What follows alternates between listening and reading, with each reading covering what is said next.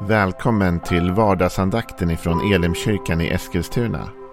Det här är en podcast som kommer ut måndagar till fredagar. Om du vill veta mer om vilka vi är, vad vi tror på, hur du kan komma i kontakt med oss eller vad vi kan erbjuda dig för någonting så gå in på www.elimkyrkan.com. Får jättegärna gå in och likea vår Facebook-sida. Det är facebook.com elimeskilstuna. Eller så söker du upp oss på YouTube och då söker du på Elimkyrkan Eskilstuna. Vi vill jättegärna komma i kontakt med dig. Men nu lyssnar vi till dagens andakt. Välkommen till vardagsandakten.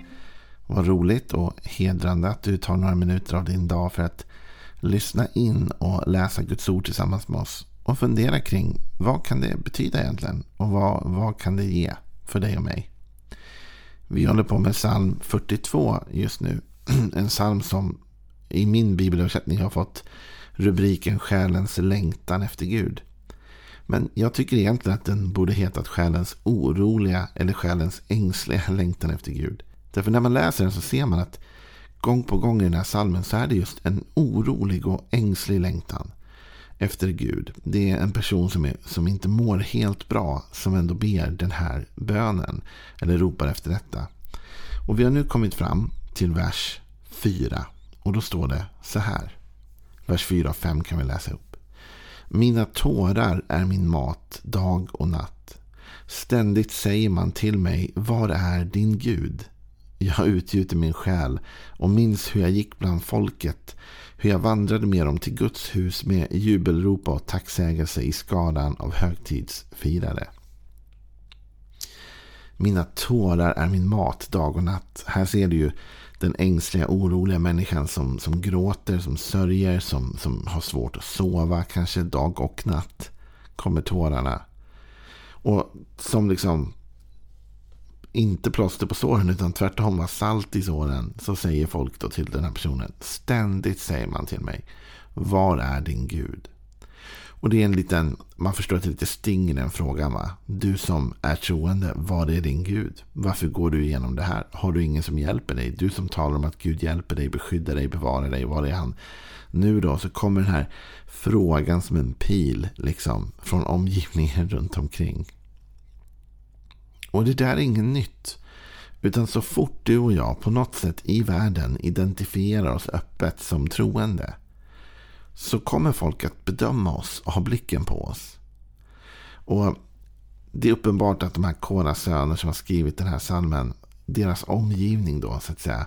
Förstår och vet att okej. Okay, det här är troende människor. Och när då själen sörjer. Så säger han att ja, då börjar folket fråga. Var är din Gud någonstans? Och så ska jag förutom min egen oro, ångest och börda dessutom känna att nu måste jag på något sätt representera Gud också. va? Men Jesus, han talar om det här i Johannes 15. Att det här är något vi kan vänta oss faktiskt av världen. Det är inte en oväntad reaktion att när det går svårt för dig och mig eller när vi mår dåligt eller är deppiga eller trötta eller sjuka eller vad som kan hända så kommer världen använda det emot oss, vår tro. Och så här står det i Johannes 15 i Jesu avskedstal. Så säger han så här i Johannes 15, vers 18. Om världen hatar er ska ni veta att den har hatat mig före er. Hade ni tillhört världen skulle världen ha älskat er som sina egna. Men ni tillhör inte världen, utan jag har utvalt er och tagit er ut ur världen och därför hatar världen er. Kom ihåg vad jag har sagt, tjänaren är inte större än sin herre. Har de förföljt mig ska de också förfölja er. Har de bevarat mitt ord ska de också bevara ert ord. Men allt detta kommer de att göra mot er för mitt namns skull. Därför att de inte känner honom som har sänt mig. Jesus talar om att du och jag ska inte vara förvånade. Om det är så att vi upptäcker att människor är emot oss. Eller vi upptäcker att människor liksom använder vårt, det när det går svårt för oss emot oss. För så gjorde de mot Jesus. Du vet att de hånade Jesus med detta. När de tog honom inför de här eh, som skulle, han skulle få stå till svars inför. De sätter faktiskt en, eh, någon sorts eh, huva på honom så han inte ser. Och så slår de honom och så säger de profetera nu och säg vem det var som slog dig. Och så driver de med hans tro inför alla andra. Och när han är på korset så säger de han har hjälpt andra, nu får han väl hjälpa sig själv. Och på något sätt så är det ett hån, inte bara mot Jesus, utan emot den tro som han hade och det han stod för. Han hade gått ut och sagt att Fadern och han var ett. Ja, och nu skulle folket testa detta. Han hade gått ut och predikat och förkunnat en massa saker och nu ville världen sätta honom på prov. Och så är det för dig och mig med. Att när vi bekänner färg, när vi vågar säga okej, okay, vi tror på Gud. Då helt plötsligt kommer världen vilja pröva oss. Därför de förstår inte. Och de till och med kan komma till den punkten att de faktiskt hatar oss, säger Jesus. För om världen hatar er, han säger inte att världen hatar er. Han säger om världen hatar er. Det vill säga det kommer finnas människor där ute som gör det. Då ska ni veta att världen hatade mig före er. Det här är en del av att vara bekännande i sin tro. Och Det är därför en del är så försiktiga med det och inte vågar bekänna sin tro. För man är rädd för den här typen av dömande och den här typen av granskande. Det finns ett bra exempel på hur man kan hantera det dock. Och Det är faktiskt i Gamla Testamentet i en berättelse i Daniels bok. Så handlar det om tre män. Shadrach, Meshach och Abednego. Och De här männen de bodde då Babylon och kung Nebukadnessar hade bestämt att vid ett visst ljud så skulle alla människor falla ner och tillbe honom. En staty som han hade låtit ställa upp av sig. Och det här var ju såklart omöjligt för, för Shadrach, Meshach och Abednego att göra. För att de var ju judiskt troende och de vet ju sitt bud. va. Hör Israel, Herren din Gud är en. De kunde inte tillbe någon annan. Så de gör inte det och, och då blir det konsekvenser. Jag tänkte vi skulle läsa ifrån Daniels bok. Det Eh, tredje kapitlet och den trettonde versen. När Nebukadnessar förstår att de här männen har vägrat. Då befallde Nebukadnessar i vrede och raseri att man skulle föra fram Shadrach, Meshach och Abednego.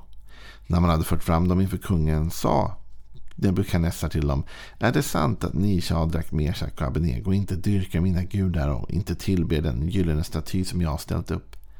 Om ni nu faller ner och tillber statyn som jag har gjort.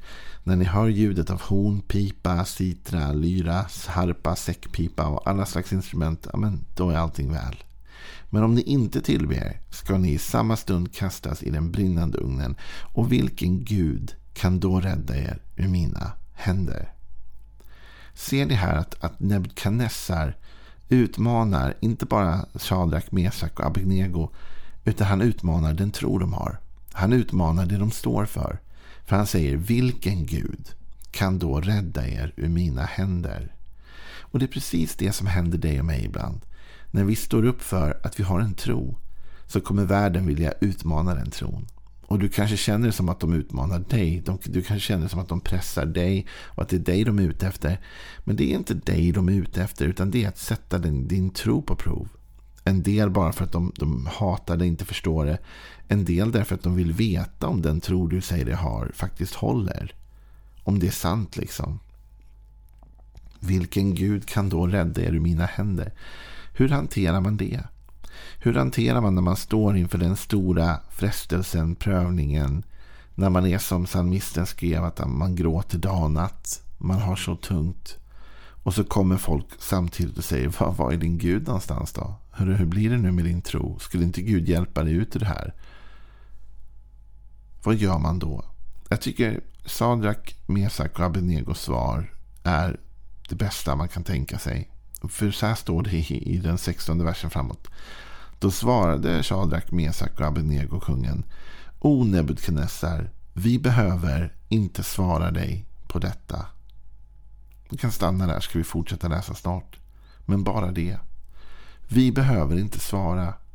Jag har min tro på min Gud och jag behöver inte ge mer svar än så. Jag tror att Gud är med mig. Ja, men hur kan du gå igenom det här då? Hur kan det här hända? Ja, men jag är inte skyldig dig ett svar. Utan jag har min tro. Men så fortsätter de. Om det blir så är vår Gud som vi dyrkar mäktig att rädda oss ur den brinnande ugnen och ur din hand, o konung. Men om inte så ska du veta, o konung, att vi ändå inte dyrkar dina gudar och att vi inte tillber guldstatyn som du har ställt upp. Det är så starkt detta. Här säger de, ja, jag tror faktiskt att Gud kan ta oss ut ur det här. Han är starkare än det vi möter. Han är starkare än dig, o konung. Men om han väljer att inte rädda oss så tänker vi ändå inte tillbe det du tillber. Jag tänker inte ändra min tro även om det här inte skulle bli det resultat som jag tänkt. Och Det är någonstans det som du och jag måste bestämma oss för i vårt hjärta när vi hamnar i den där prövningen och folk frågar Men var är din Gud nu då? Hur kommer det sig att du går igenom det här svåra? Trodde inte du på Gud? Skulle inte du vara beskyddad, bevarad, vad det nu är? Och då måste du och jag lära oss att säga för det första, jag är inte skyldig ett svar till dig för vad jag tror på. Utan jag tror på det jag tror på. Och jag har rätt till min tro. Men om jag ändå skulle svara så är det så här att jag tror att Gud kan hjälpa mig, ja. Beskydda mig, bevara mig, ta mig ur detta. Men om han inte gör det så tänker jag ändå inte sluta tro på honom. Jag tänker ändå inte anta ditt sätt att se på saken. Utan jag har min tro. Det där är tufft. Det är svårt. Och vi vet i fallet av Shadrach, Mesak och Abednego att, att Gud räddar dem ur den brinnande ugnen. De kastas in men, men de räddas också ut ur den. Och det vet ju vi så det blir en lycklig story för oss. Men, men de här tre männen var beredda att dö för att ändå inte överge sin tro. Utan säga om Gud räddar oss så gör han det. Och han kan göra det. Men om han inte gör det så står vi fast vid vår övertygelse i alla fall. I eh, Matteus 10 så landar det ändå i det här. Jesus säger efter att han först har pratat om hur de måste vara kloka därför att de är ute bland människor som jagar efter dem. Och de, de är som lamm bland får och vargar och de måste vara försiktiga. Och liksom människor kommer ge sig på dem och förfölja dem. Så säger han så här i Matteus 10.32. Den som bekänner mig inför människorna ska jag också bekänna inför min far i himmelen. Men den som förnekar mig inför människorna ska jag också förneka inför min far i himmelen. Det är intressant att när Jesus säger det här i, i, i Matteus så säger han det i samband med ett tal om förföljelse. Han talar inte om att bekänna Gud i tider av seger och framgång. Du vet, det är ganska vanligt när folk vinner sådana här pris av olika slag eh, awards. Liksom, att de går fram och håller sitt tacktal och i tacktalet så tackar man Gud. Och det är inte så svårt att tacka Gud eller bekänna Gud när man har vunnit något, eller hur? Det känns ganska bra. Tack Gud för att du hjälpte mig och ledde mig fram till den här segern. Liksom. Men att tacka Gud i förföljelsen, eller tacka men åtminstone inte lämna sin bekännelse. Att stå upp för Gud och nämna Gud i i förföljelsen, i kampen, i svårigheten. Det är svårt. Men det blir också en väldig välsignelse. För Jesus är den som orkar göra det, bekänna mig inför människorna trots förföljelse. Den kommer jag att bekänna i himmelen inför min far. Men också att förnekelsen då innebär ett förnekande. Vet du, du och jag, det jobbigaste är när du och jag mår dåligt och när vi går igenom vår kamp och när vår själ törstar och hungrar och längtar efter Gud och när vi själva är fyllda med frågor, ibland till och med var är du Gud? Då kommer till och med folk runt omkring oss som inte alltid har vårt bästa för ögonen och säger ja, var är han någonstans? Var är nu din Gud som du trodde på? Folk frågar mig hela tiden, säger psalmisten, var är din Gud? Då måste vi veta hur vi tänker. För det första, vi är inte skyldiga att svara alla på allt. Alla måste inte, har inte rätt till att veta allt om hur vi tänker eller mår eller känner i alla lägen. Även om de vill provocera fram det. Och för det andra så är det faktiskt så att vi kan säga men oavsett resultat. Jag tror att Gud kan. Och om han väljer att inte göra så tänker jag ändå inte överge min tro på honom. Utan jag har bestämt mig. Jag står fast i detta. Och Det tror jag är den rätta vägen. Och oavsett vad som händer i din givna situation. När du bekänner Jesus på ett sånt sätt. I din svåra tid ändå håller fast vid din tro. Då öppnar du också upp för Jesus att få bekänna dig och dig, ditt namn högt i himmelen, högt inför Fadern, inför änglarna. Och då tror jag att vi kan få se en rad mirakel ske. Så jag vill uppmuntra dig idag Var inte ledsen när folk kommer till dig och raljerar över din tro. Jesus sa om de raljerade över mig kommer de raljera över dig. Om de hatade mig så kommer de hata dig. Utan vi får hålla ut i förvissning om att varje sekund, varje stund, varje dag där du och jag står upp och vågar bekänna vår tro och bekänna vår tillhörighet till tron så bekänner Jesus också oss högt i det himmelska, i den andliga världen. Och den bekännelsen är värd allt. Jag önskar dig en välsignad dag. Vi fortsätter med mer ur psalm 42 imorgon. Hej då.